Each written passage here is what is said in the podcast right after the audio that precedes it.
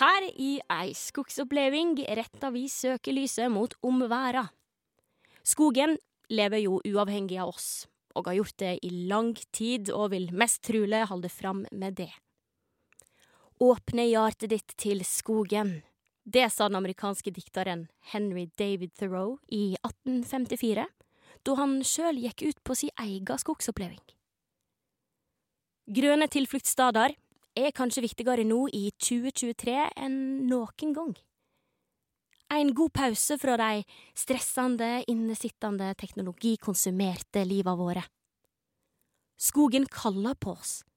Han venter på at vi skal oppdage han på ny. Han minner oss om den tiltrekkende, mystiske og altoppslukende krafta fra naturen.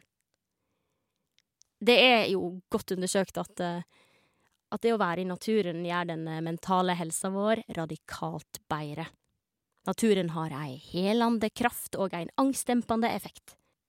Men er naturen blitt noe framand for oss?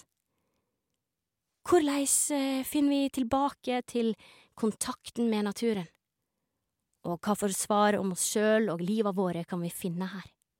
Hva betyr naturen for oss som lever i dag?